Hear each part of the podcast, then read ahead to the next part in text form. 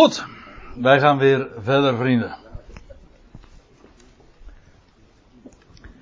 U ziet dat het eh, onderwerp wat we zo vanavond ter sprake brengen nogal uh, uitgebreid is. Er zijn vele schriftplaatsen die daarover handelen, maar ook het brengt gegevens aan het licht die toch heel bijzonder zijn en die dikwijls toch ver, volstrekt uh, vergeten worden of buiten het zicht blijven. En we hadden het er in de pauze nog even over. Om het eventjes het, beeld nog even helder te krijgen. We hebben dus gezien dat in die 3,5 jaar van verdrukking. dat er een overblijfsel zal zijn in de woestijn. 1260 dagen worden ze daar bewaard. Maar dat is een overblijfsel dat voor de verdrukking al gevlucht zal zijn. Want het uiterste moment dat ze nog kunnen vluchten is wanneer dat afgodsbeeld op het tempelplein opgericht zal zijn. En dan zullen ze vluchten en dan zullen ze hier 3,5 jaar bewaard worden. Na de verdrukking, dat was na de verdrukking over het land Israël, zal de Heer verschijnen. En een, het deel wat overgebleven is in het land, dat is, dus een overblijfsel, zal zijn naam aanroepen en die zullen dan vluchten naar diezelfde locatie. Ook naar de woestijn. En die, die ontmoet, het komt er dus op neer, dat wordt zo niet direct beschreven. Maar het komt er dus op neer dat zij gaan naar een plek waar al 3,5 jaar lang een volk was dat daar onderhouden werd en die die verdrukking niet heeft meegemaakt. Dat wil zeggen, die daar ondergedoken was en die daar keurig verzorgd en en bewaard is gebleven. Dat zijn twee verschillende groepen dus. Die groep die er al was gedurende de verdrukking, die waren al gevlucht. Dat was, vrij, dat was al een, een overblijfsel, een gelovig overblijfsel. Wat na de verdrukking naar de woestijn zal vluchten, is op, dat is ook een gelovig overblijfsel. Want allen die in het land waren en die niet geloofden, die zijn omgekomen. En dat overblijfsel wat overgebleven is in het land, zal vluchten naar de woestijn, naar diezelfde locatie. Mag je aannemen, in ieder geval naar de woestijn. En die zullen elkaar in ieder geval treffen. Dan zal vervolgens heel het volk van alle, uh, vanuit alle windstreken verzameld worden. En ook die zullen geselecteerd worden. Er, er was een overblijfsel gedurende de 3,5 jaren na de verdrukking zal er een overblijfsel vluchten vanuit het land naar de woestijn. En dan, maar dan gaat God ook, en de Heer zal zijn hele volk vanuit alle natieën bijeenbrengen. Niet hier, maar hier, in de woestijn. Maar net als dat volk in het land uh, geselecteerd werd, en, en er een rest overbleef, een gelovige rest, zo zal dat ook gebeuren met die verzameling van dat hele volk, wat hier dus in de woestijn bij elkaar gebracht wordt. Ook zij zullen worden geschift. Dat klinkt een beetje raar, als ik het zo zeg. Hm? Nogal geschrift. Hè? Nee, maar u begrijpt wat ik bedoel. Geselecteerd, sorry. En en dat is wat we dus in Ezekiel 20 hebben gezien. Ezekiel 20 is daarom zo markant, omdat daar gezegd wordt dat wat ooit in het verleden plaatsvond, gedurende de woestijnreis, voor, toen het volk van Israël optrok naar het beloofde land, zo zal het ook weer gaan in de toekomst. Van aangezicht tot aangezicht zal de Heer met zijn bijeengebrachte volk in het gericht treden. En ook daar zal slechts een rest van overblijven. Hoe die selectie zal zijn, dat wil zeggen, uh, hoe de verhoudingen, weet ik niet. Dat wordt er ook niet bij gezegd. Maar de weerspannigen zullen uh, in ieder geval niet in het land komen. Zij zullen net als ooit in het verleden omkomen in de woestijn. Ik zeg er weer bij, some way, somehow. Zo zegt de schrift dat. Nou, en er zijn nogal wat meer schriftplaatsen uh, die daarbij uh, soortgelijke dingen zeggen. We gaan even naar Jeremia 31. Ik wees al even op dat hoofdstuk, omdat Jeremia 31 vooral bekend is als dat hoofdstuk waar gesproken wordt dat God in toekomende dagen met het huis van Israël en het huis van Juda een nieuw verbond zal sluiten. Niet zoals het verbond eh, wat hij ooit sloot ten dagen dat ze uittrokken uit het Egypteland, want dat verbond is verbroken. Maar dan gaat hij een nieuw verbond sluiten. Een blijvend verbond. Nou ja, dat wordt in Jeremia 31 geweldig uiteengezet. En in het Nieuwe Testament ook uitgelegd. In de Hebreeënbrief wordt dat toegelicht. Machtig mooi. En weet ik wat het geweldige daarvan is? Die geest van het nieuwe verbond. Dat is ook de geest die u en ik hebben ontvangen. Zegt Paulus zo, hè? U, natuurlijk, dat nieuwe verbond zelf wordt gesloten met Israël. Wordt gesloten met hetzelfde volk als waarmee het oude verbond ooit werd gesloten. Dus het is niet zo dat met ons een nieuw verbond wordt gesloten. Wij staan in een veel intiemere betrekking met onze Heer als het volk Israël ooit zal ontvangen. Niet een, een huwelijksverbond.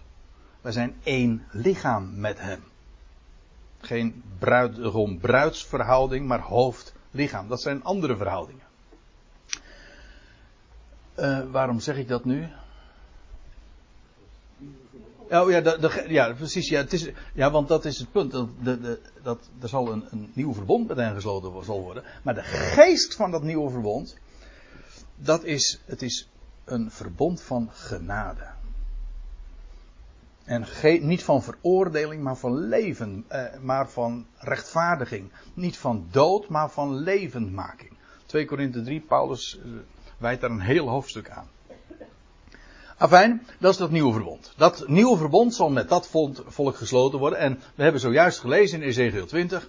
Eh, God zal dat overblijfsel, die gelovige rest, brengen in de band van het verbond. Ik moet er trouwens nog iets bij zeggen. Zojuist werd dat ook nog eventjes geopperd.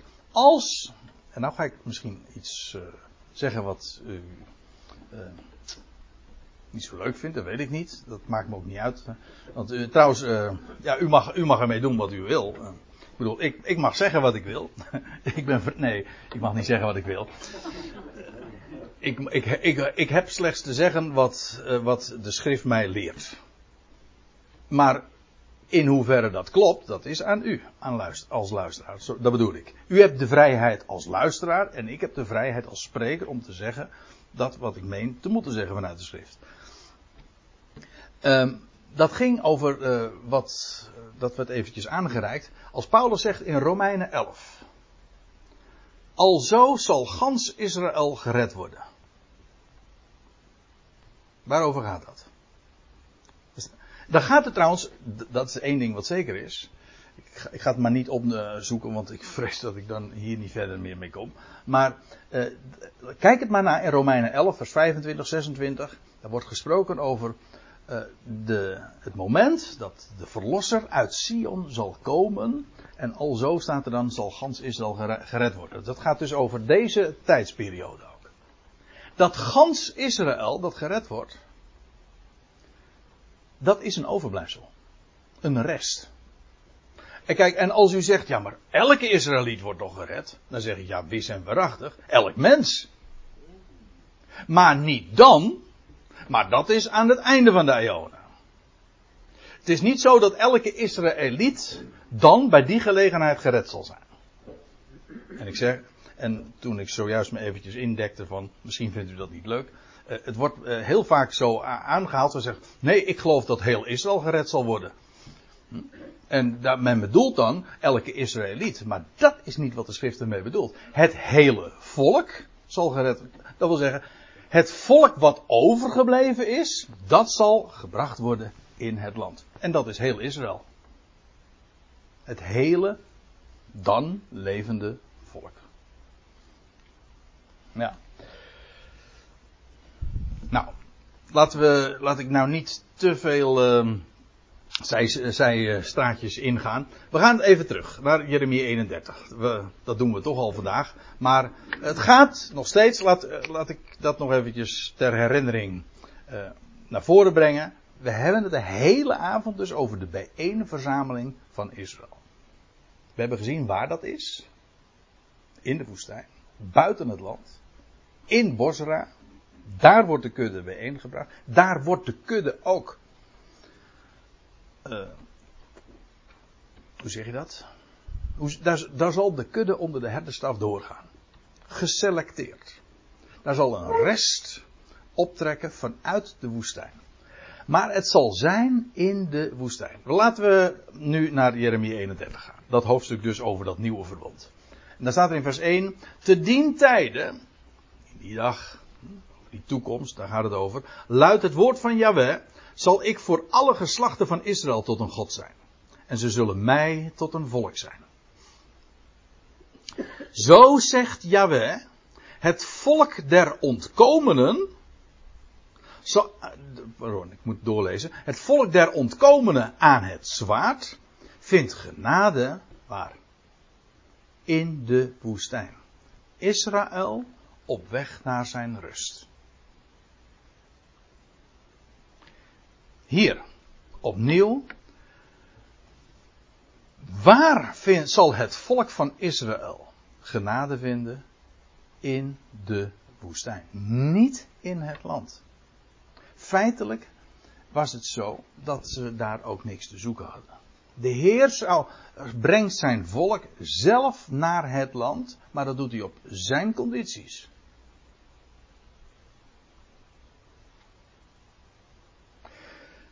En wat, uh, het, het is het volk van de ontkomenen aan het zwaard. Dat betekent dus net, dat geeft dus wel aan dat er inderdaad een enorme verdrukking kennelijk heeft plaatsgevonden, een slachting. Maar er zijn er die ontkomen aan het zwaard. En zij, dat overblijfsel, die rest, wel, die, die vindt genade, en het gaat mij vooral eventjes om deze woorden, in de woestijn. Die locatie. Niet in het land, maar in de woestijn. Israël op weg naar zijn rust. En feitelijk, deze formulering herinnert ook weer opnieuw aan wat er ooit in het verleden plaatsvindt, vond toen Israël op weg was naar het beloofde land. In de woestijn.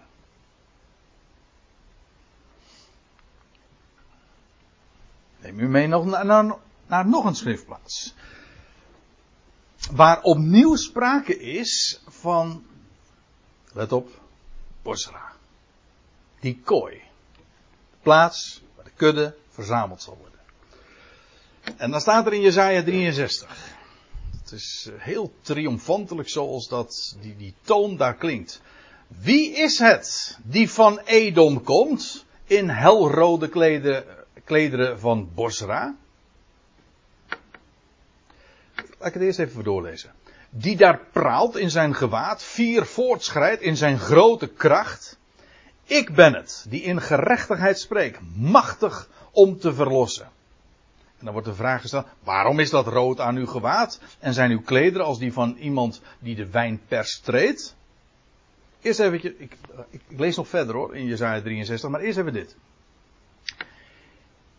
Hier is sprake van iemand, uiteraard van de Heer zelf, want dat zullen we straks ook in de vers 3 en 4 zien.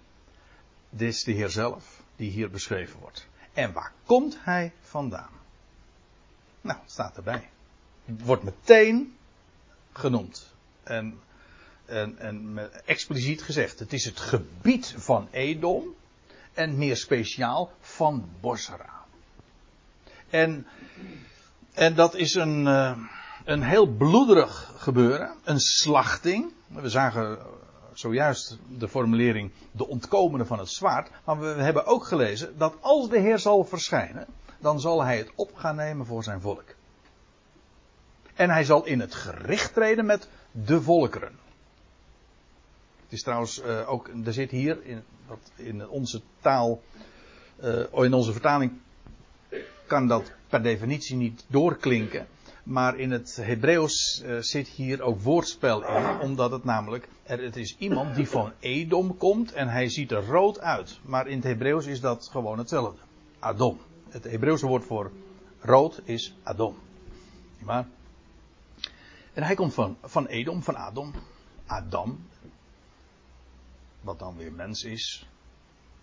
Een dam. En dam is trouwens weer het woord voor bloed. Dus dat hangt allemaal met elkaar samen. Wie is het die van Edom komt in helrode klederen van Bosra? Wel, dat is een krijgsheld. Het is de Heer die dan gaat op, die, hij zal het gaan opnemen voor zijn volk. En tegen de natieën gaan strijden.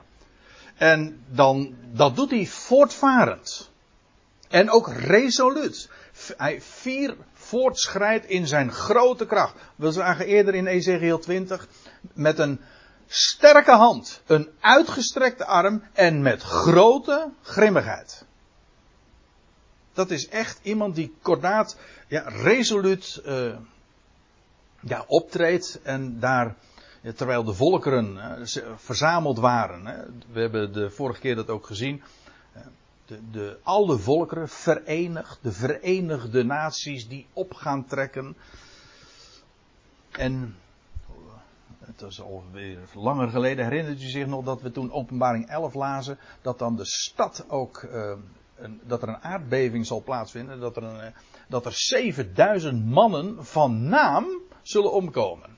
Dus daar, dat is kennelijk, is daar een, een, een grote ja, conferentie, maar in ieder geval, 7000 mannen van naam zullen omkomen.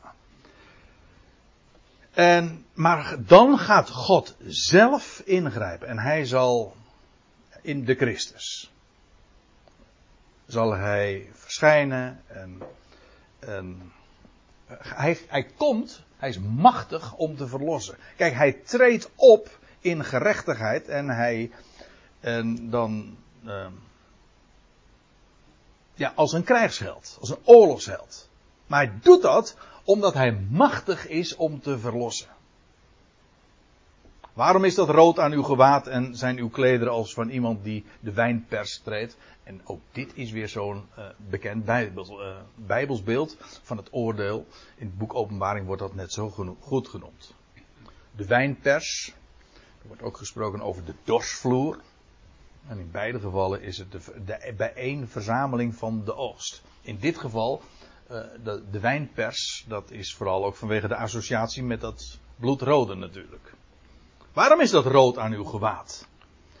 En dan staat er, ik lees nu verder in Jesaja 63. Ik heb de pers alleen getreden. Dat is de Heer zelf, hè? En van de volkeren was niemand bij mij. Ik trad hen in mijn toren. Hier zie je, hier zie je wat we al veel eerder al diverse keren hebben gezien.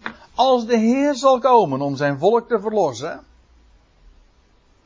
Dat is het einde van de grote verdrukking.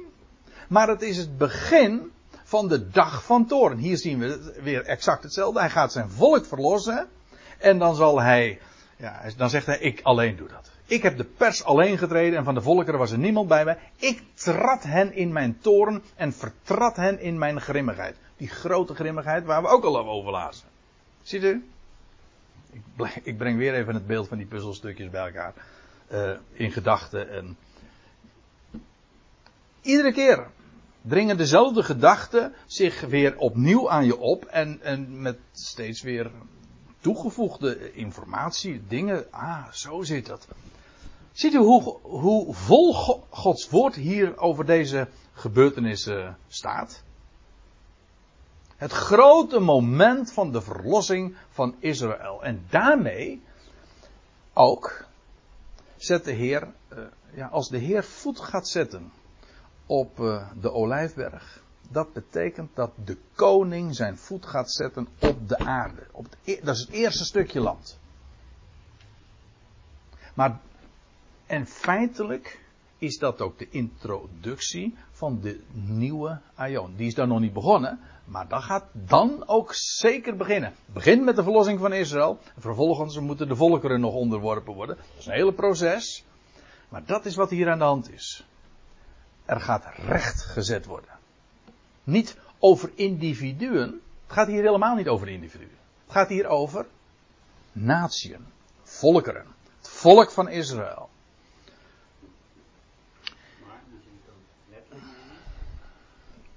Hoe bedoel je? Nou, de pers is natuurlijk. En de wijnpers is symbolisch.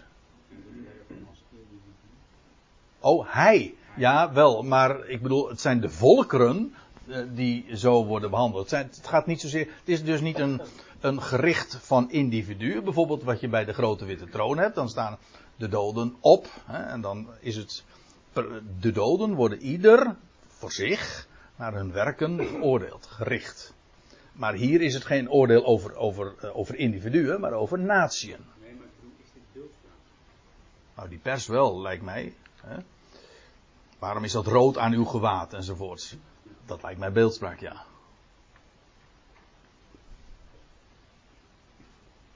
Maar wel heel duidelijk, lijkt mij in dit geval.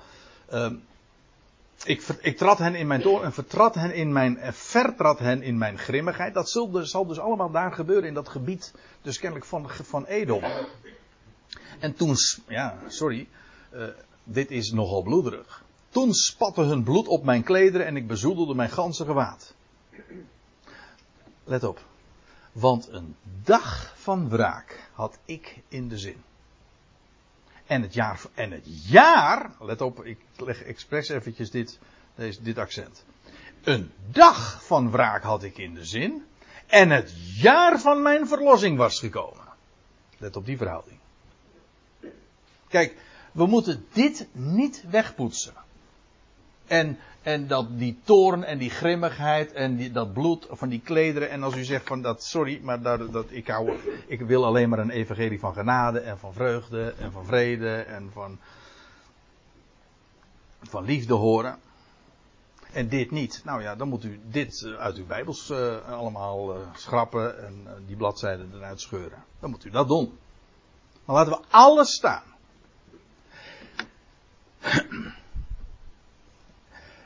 Wat van belang is, om alles te laten staan, maar ook in de verhouding te laten staan, zoals de schrift het presenteert. En die verhouding, dat is hier ook zo, weer zo onmiskenbaar. Namelijk, het is een dag van wraak. Eens. Het is een dag van wraak. Het is een jaar van verlossing. En dat is, hoe, is mooi. Een mooie vraag.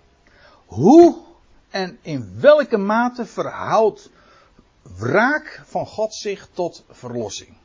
Dan kan ik u precies vertellen, dat is een verhouding van 1 op 365. Hier, in deze metafoor is dat een verhouding van 1 op 365. Soms is dat trouwens nog veel extremer. Want als je in, in eh, Psalm 30 vers 6 leest, dan staat er van een, oog, een ogenblik duurt mijn toorn of zijn, een ogenblik duurt zijn toren, maar een leven lang zijn goede tierenheid. Als je dan die verhouding wat technischer zou willen formuleren, dan zeg je van hoe verhoudt de, de toren zich tot Gods goede tierenheid? Nou, als een ogenblik, een moment, tot een lang leven. Dat is nog veel extremer. Het, is, het laat zien wie God is. Hij, die wraak is ook trouwens altijd, dat is trouwens, uh, ben eventjes kwijt hoe dat precies ook alweer in het Hebreeuws zat. Maar, oh nou ja, er, komt hier nou net een Hebraicus binnen. Dus die zou wellicht mij kunnen helpen. Uh, maar ik wil je niet in verlegenheid brengen, Thijs. Uh, het woordje wraak heeft alles te maken met rechtsherstel. Dat is wat wreken is. Dat is dus niet iemand betaald uh, zetten of buiten. Nee, het is juist het herstellen van geschonden rechtsverhoudingen. Dat is wat wraak is. En dat gaat God kort en snel, zo snel als mogelijk, ook realiseren. En daarom is er sprake van, sprake van een dag van toorn, de dag van wraak. Wel, zegt God, ik had een dag van wraak in de zin, maar het jaar, een jaar van verlossing. En dat spreekt in dit verband natuurlijk ook over die, die, die aion die straks gaat aanbreken. Maar het is een, zo een buitengewoon, uh, ja, mag ik wel zeggen, roerige tijd. Dat vind ik veel te slap gezegd, want nu is het ook al een roerige tijd. Nee, dit is zo turbulent. Een transitie van een boze aion naar een aion waarin gerechtigheid woont. En hier vindt dat proces plaats waarbij er al alles recht gezet wordt. En God het gaat opnemen voor zijn volk. Het zal dus zijn inderdaad in Edom. Daar in Bosra. Ik neem u nog mee naar Hosea 2. Ook daar is sprake van de woestijn waar de Heer zijn volk zal brengen. Nou, we hebben inmiddels al heel wat plaatsen gezien. En het is, uh, het is met opzet dat ik daar een, een hele avond uh, aan reserveer, uh, voor gereserveerd heb. En dat ik Matthäus 24, vers 31 zo, zo, zo breed uitmeet. Eén vers wordt daar slechts gerefereerd aan, aan de verzameling van zijn volk. Maar jongen, jongen, wat, wat een passages uh, zijn er niet waaraan, waaraan de Heer feitelijk daarmee ook refereert. Nou, die, uh, die zoeken we vanavond gewoon allemaal uh, eens op. Nou, allemaal. Een aantal daarvan. ja. Oké, Hosea 2. Daar staat, oh dat is een prachtig, dat is een prachtig gedeelte. Heel lieflijk ook. Hosea is de profeet die ook de verhouding tussen de Heer en zijn volk uh, laat zien in, de, in het beeld van de bruidegom en de bruid. Daarom, ik zal haar, het volk van Israël, en het is ook de, dat is ook de bruid. zoek het eventjes op, want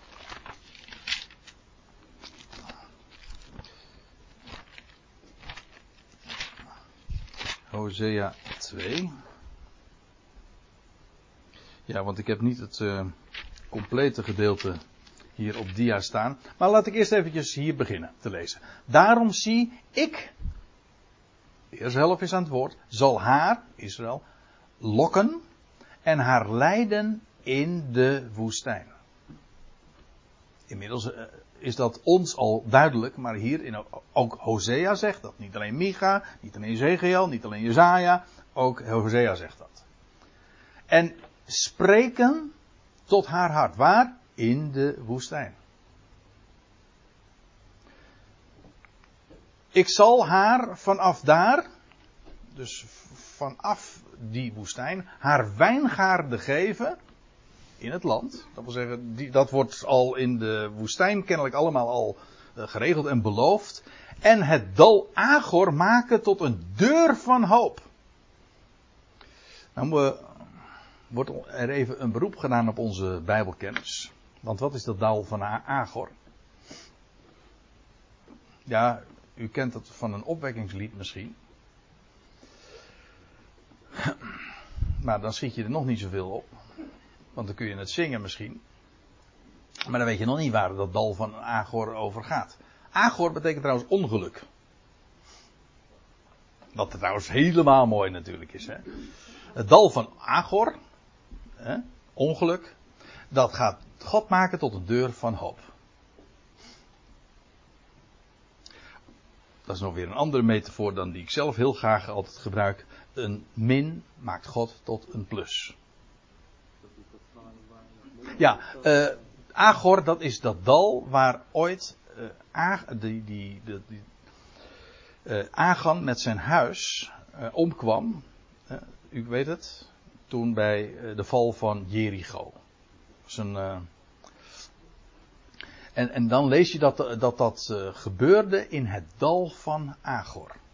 Dus dat was in de directe nabijheid van van, uh, van Jericho. Vlak over de Jordaan. En dat dal van Agor, hier wordt dus gesproken over toekomende dagen. God gaat zijn volk brengen in de woestijn, daar tot zijn, haar hart spreken. Maar ook het dal Agor zal daarin een functie vervullen. Dat dal van Agor, wat ooit een dal van ongeluk was, dat wordt juist daar een deur van hoop. Daar gaat de deur open. Met andere, ja, een deur van hoop. En dan zal, laat ik eerst even nog doorlezen. Dan zal zij daar zingen als in de dagen van haar jeugd, als ten dagen toen zij trok uit Egypte. En het zal te dien dagen geschieden, luidt het woord van Yahweh, dat, dat gij mij noemen zult mijn man en niet meer mijn Baal. En ook hier zie je natuurlijk weer precies uh, het bekende beeld. Israël is de bruid. Trouwens, als je even doorleest, ik, heb, ik zei al, ik heb daar geen diaatje nu van. Maar als je doorleest in vers. Nou, ik lees even door. Ik, ik heb het, ik zei al, ik heb het niet uh, op uh, dia staan. Ik lees het maar even door, want ik had het er gewoon eigenlijk eventjes bij moeten vermelden. Dan zal zij daar zingen als in de dagen van haar jeugd, als de dagen toen zij trok uit Egypte. Vers 15. En het zal te dien dagen geschieden, luidt het woord van de Heer, dat gij mij noemen zult, mijn man, niet meer mijn Baal. Ja, ik zal de namen van Baal verwijderen uit haar mond. Hun naam zal niet meer genoemd worden. Te dien dagen zal ik voor hen een verbond sluiten. Hé, hey, weer. Met het, ook met het gedierte des velds, het gevogelde van de hemel, het kruipend gedierte der aarde. Dan zal ik boog en zwaard en oorlogstuig in het land verbreken en hen veilig doen wonen. Ik zal u tot mijn, tot bruid werven voor eeuwig. Ik zal u tot bruid werven door gerechtigheid en recht. Door goede tierenheid en ontferming. Ik zal u tot mijn, nee sorry, mijn staat er niet. Ik zal u tot mij tot bruid werven door trouw. En gij zult Jahweh kennen. Nou ja, te dien dagen zal het geschieden dat ik zal verhoren. En dat ik, de, ik zal de hemel verhoren, ik zal de aarde verhoren. Geweldige messiaanse profetie. Het gaat natuurlijk vooral over het volk van Israël dat de bruid is. En feitelijk is dit ook het begin van de bruiloft. En hoe was, die, was het ook alweer? Wanneer is de bruiloft? Oh, oh, ja, dat was op de derde dag, ja. Uh, zie, er was een bruiloft op de derde dag. Maar daar hebben we het nu verder niet over. Het gaat erom, dat volk van Israël wordt geworven tot bruid. En met hen wordt een nieuw verbond gesloten. Een nieuw huwelijksverbond namelijk. En Kijk, we hadden het erover. We hebben gezien, Israël zal verzameld. Het totale volk zal verzameld worden daar in de woestijn in Bosra. Micha 2 stond dat expliciet. En ik heb de naam van Petra er ook maar bij genoemd. Niet omdat dat toevallig mijn vrouw is. Maar omdat dat natuurlijk ook een, stad is dat in dat verband uh, een, grote rol uh, zal spelen. Maar hou vast, het is in de profetie vooral Bosra. En misschien is dat identiek of uh, aan elkaar gelieerd. Het zou kunnen.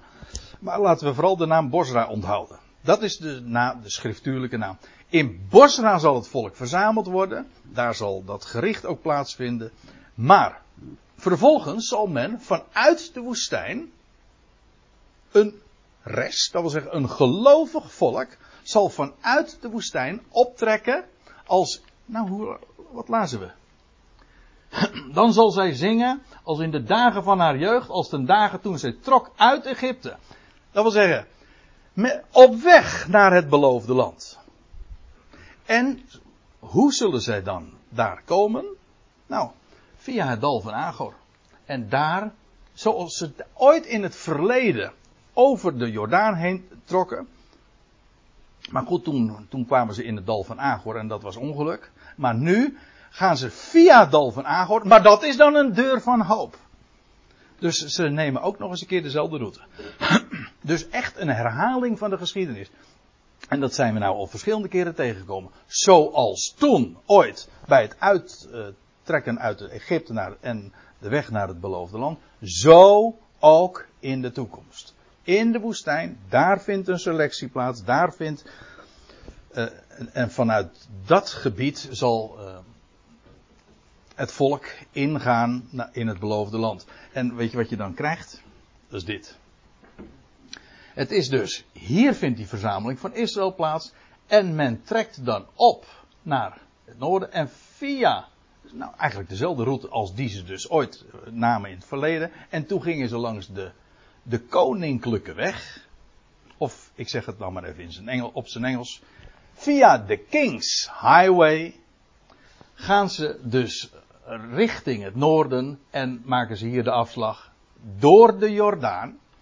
onder, nou laat ik het anders zeggen, onder leiding van de echte, de ware Jozua zal men via Dal van Agor gaan naar het beloofde land. Met de heren aan hun spits en Jozua als hun doorbreker, hè. En zo, en zo krijg je een herhaling van de geschiedenis, maar dan op een veel volmaakter niveau. En hier zullen ze definitief inderdaad arriveren in het land.